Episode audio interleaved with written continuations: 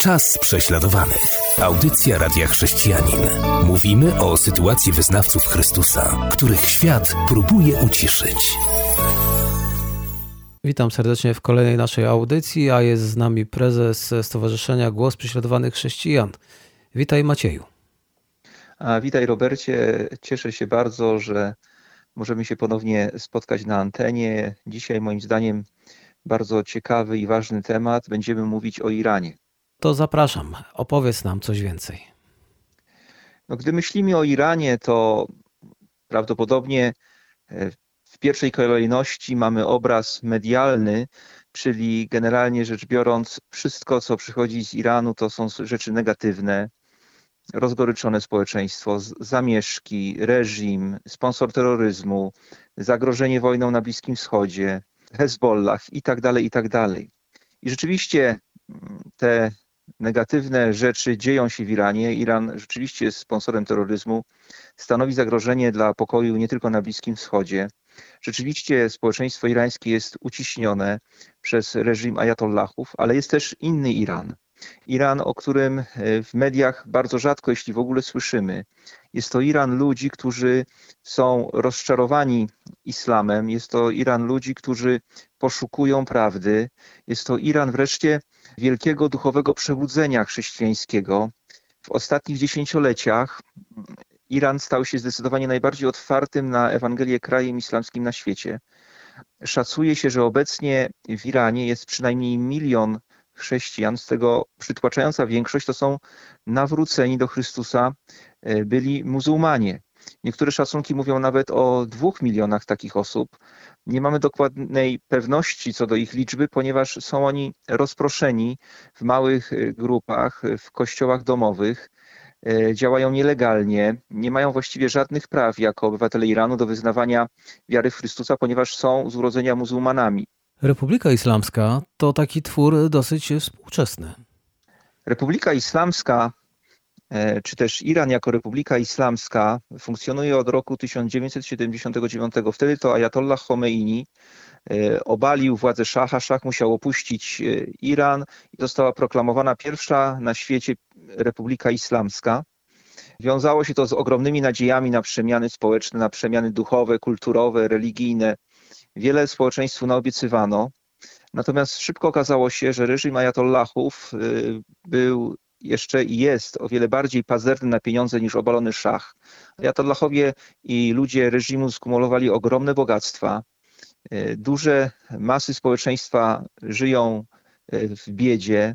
Kraj jest pod wieloma względami zrujnowany gospodarczo, też poprzez wojny, poprzez sankcje gospodarcze innych krajów poprzez niewłaściwą politykę e, i zarządzanie tym krajem.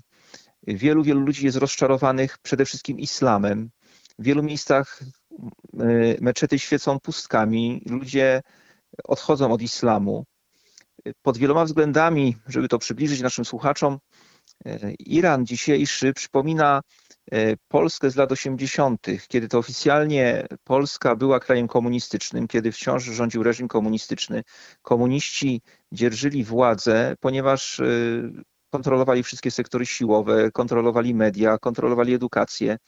W związku z tym oficjalnie te władze dzierżyli, ale skrzywdzilibyśmy polski naród, gdybyśmy powiedzieli, że polski naród był wówczas komunistyczny. Tak, tak naprawdę Polacy byli przecież całkowicie rozczarowani komunizmem i szukali alternatyw i pragnęli obalić ten system. I podobnie jest w Iranie. Zdecydowana większość Irańczyków jest rozczarowanych islamem, reżimem ayatollahów.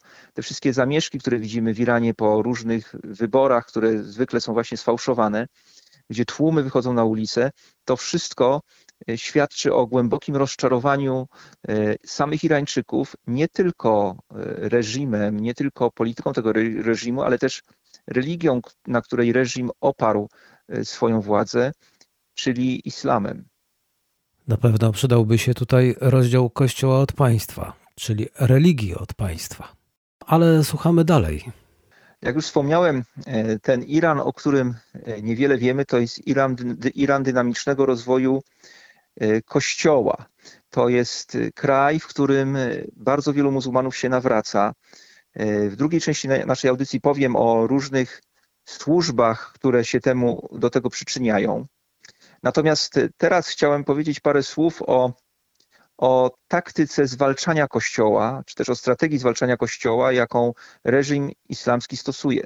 Otóż od powstania Republiki Islamskiej w 1979 roku, gdzieś mniej więcej do roku 2012, można było widać, y, można było zauważyć strategię, która polegała na skrytobójstwie i wydawaniu wyroków śmierci i dążeniu do wykonania tych wyroków śmierci na chrześcijanach, którzy porzucili islam i uwierzyli w Chrystusa i oni za apostazję byli skazywani na śmierć. I do takich e, skrytobójczych mordów, do takich mm, e, wyroków dochodziło w latach 80., w latach 90. W następnej audycji powiemy e, sobie o śmierci męczeńskiej Haika Hofsypijana, który właśnie był jedną z ofiar reżimu z tamtego okresu. Został skrytobójczo zamordowany z powodu swojej wiary i, i służby i głoszenia Ewangelii w 1994 roku. Ostatnią osobą, o której mi wiadomo, potraktowaną właśnie w ten sposób przez reżim ajatollahów, jest Józef Nadarkani. On w 2010 roku właśnie został skazany na śmierć za odstępstwo, za porzucenie islamu. I ten wyrok miał być wykonany, ale ta sprawa oczywiście została nagłośniona na arenie międzynarodowej. Między innymi nasza organizacja się włączyła w walkę o uwolnienie Nadarkaniego. Sprawa nabrała ogólnoświatowego rozgłosu. Wiele rządów, wielu polityków, wiele organizacji protestowało, domagało się zwolnienia e, Nadarkaniego. Nawet tutaj w Polsce pamiętam, jak e, w parlamencie na spotkaniu Parlamentarnego Zespołu do Spraw Obrony Chrześcijan na Świecie przedstawiliśmy tę sprawę i potem senator Libicki udał się do ambasady Iranu. To był bodajże 2011 rok. Na Nadarkanim wtedy ciążył wyrok śmierci i domagał się tam u ambasadora Iranu uwolnienia Nadarkaniego.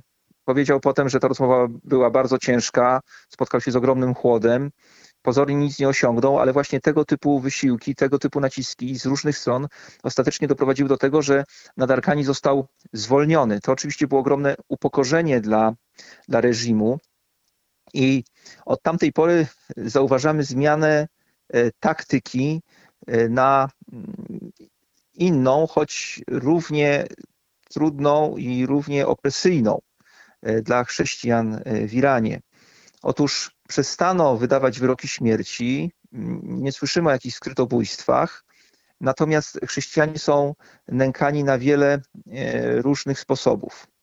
To o tym może już e, po przerwie, a teraz zapraszam naszych słuchaczy na utwór muzyczny. Czas prześladowanych. Audycja Radia Chrześcijanin. Mówimy o sytuacji wyznawców Chrystusa, których świat próbuje uciszyć. I w jaki sposób reżim teraz e, tępi chrześcijan, tępi e, Kościół e, prężnie rozwijający się w Iranie. Przykładem może być znowu Józef Nadarkani. W 2016 roku mm, został on skazany na 10 lat więzienia. Odwoływał się od tego wyroku, aż w końcu po niepowodzeniu kolejnych apelacji. W lipcu 2018 roku do jego mieszkania wtargnęła służba bezpieczeństwa. Został brutalnie aresztowany i osadzony w więzieniu Ewin. Skazano go, jak mówiłem, na 10 lat. No i co? Siedzi teraz w więzieniu. Siedzi w więzieniu wielu liderów z jego kościoła. E, siedzi w więzieniu wielu innych chrześcijan e, irańskich. Stale wszyscy działający bardziej prężnie w kościołach domowych, co, co jak powiedziałem jest nielegalne w Iranie, są pod stałą presją i w każdej chwili grozi im aresztowanie ale no, dziesięcioletni wyrok już nie wzbudza e, takiego oburzenia na świecie, takiego zainteresowania. Nie ma takich protestów i w związku z tym Nadarkani ten wyrok odsiaduje, jest w więzieniu, jest oddzielony od swojej rodziny, nie może prowadzić służby, nie może rozwijać kościoła. Przebywa w więzieniu Ewin, gdzie warunki są bardzo ciężkie, gdzie jest poddawany presji psychicznej, gdzie chrześcijanie bardzo często są bici, torturowani, żyją w stałym zagrożeniu. E, ich rodziny są inwigilowane, są również pod wielką presją. I to jest ta nowa taktyka, czyli próba zastraszenia, nękania, gnębienia chrześcijan, ale w taki sposób, by e, no, nie oburzyć społeczności międzynarodowej na tyle, by trzeba było się z czegoś tłumaczyć i potem kogoś zwalniać. E, I ta taktyka jest w tej chwili realizowana. Tych aresztowań nalotów na kościoły domowe przybywa. Dodatkowo inną taktyką jest zwolnienie za kaucją. Tak? Więzień może opuścić więzienie za kaucją, ale ta kaucja jest wysoka. Często wyjście na wolność oznacza zastawienie własnego mieszkania. Innymi słowy, jeżeli ktoś wyjdzie na wolność yy, i ponownie popełni przestępstwo, za które został osadzony, czyli będzie głosił Ewangelię, będzie się angażował w kościół lokalny, w, swój, yy, w swoją grupę, będzie nawracał innych, no to zostanie aresztowany. Kaucja oczywiście przepadnie, czyli ktoś taki traci cały swój majątek. I no cóż, jest to mm, również sposób na ograniczenie działalności chrześcijan, bo ci, którzy zostają wypuszczeni na wolność, za kaucją na przykład, są stale inwigilowani, monitorowani przez służbę bezpieczeństwa. Właściwie ich możliwość działania jest ograniczona do minimum i stąd częsta decyzja e, naszych braci i sióstr w Iranie o emigracji, co również jest korzystne dla reżimu, ponieważ no, pozbywa się skutecznie kolejnych e, chrześcijan ze swojego kraju. Czy chciałbyś jeszcze powiedzieć o jakimś innym kraju? Dowiedzieliśmy się sporo o Iranie, a może coś dodasz? To może teraz parę słów jeszcze o diasporze irańskiej, bo w samym Iranie nie byłem z wiadomych powodów.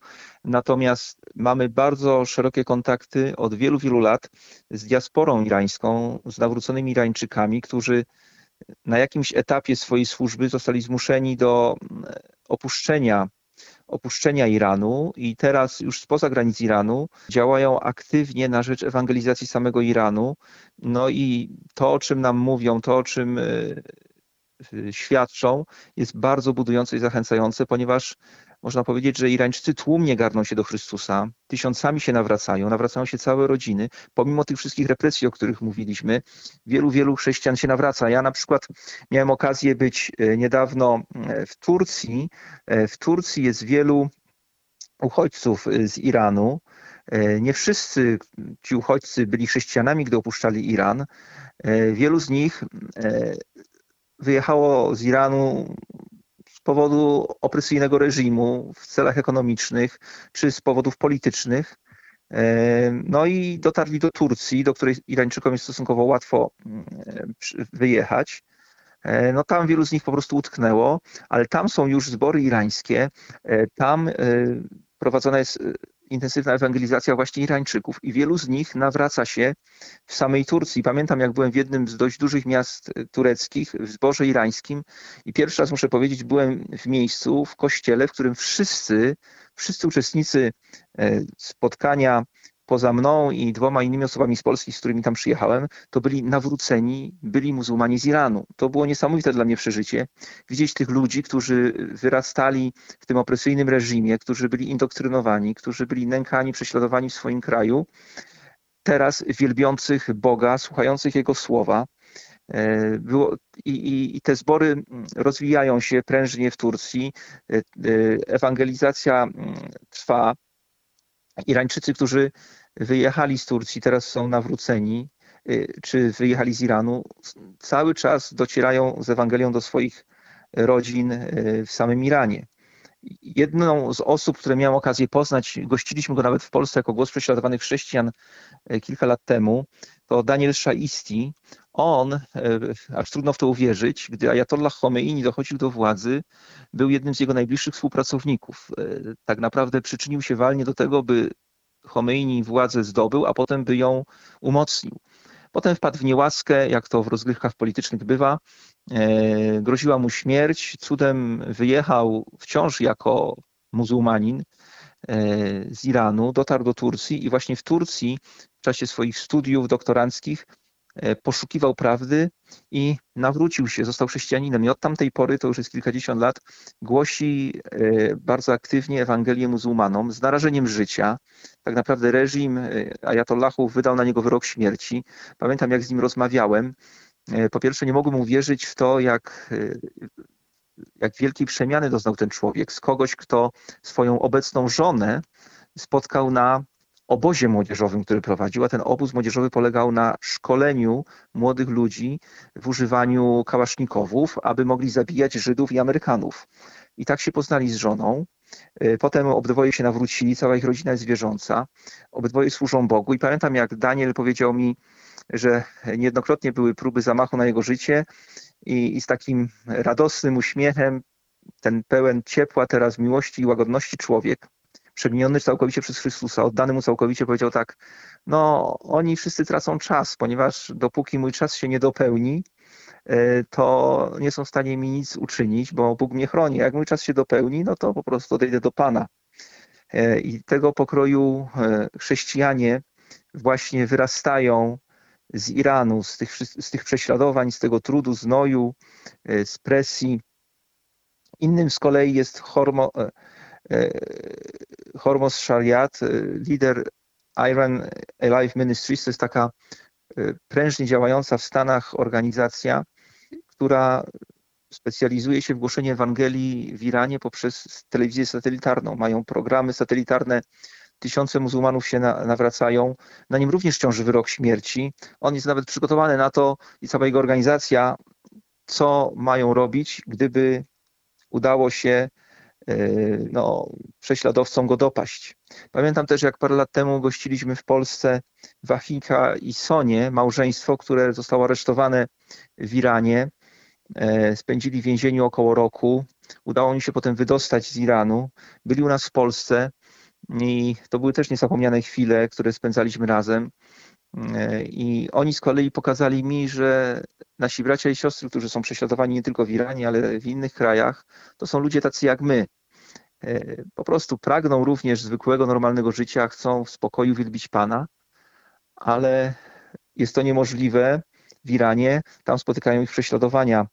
I co jest w tym wszystkim piękne, że ci ludzie nie żywią żadnej urazy, nienawiści do swoich oprawców, do muzułmanów, wręcz przeciwnie, kieruje nimi miłość, przebaczenie i chęć zwyczajnie niesienia Ewangelii pokoju tym, e, którzy tak wiele krzywdy im wyrządzili, ale też tym wszystkim, którzy po prostu są tam zagubieni, e, zdezorientowani i potrzebują zwyczajnie oparcia w Panu naszym Jezusie Chrystusie. Dziękuję za przybliżenie nam sytuacji w Iranie. I co, zapraszamy naszych słuchaczy na kolejną audycję, a teraz już dziękujemy. Zapraszamy? Tak. tak, oczywiście zapraszamy. E, kolejna audycja będzie poświęcona, jak już wspominałem, Haikowi Hofsypijanowi, męczennikowi za sprawę Chrystusa z Iranu. Serdecznie zapraszam. Była to audycja Czas prześladowanych.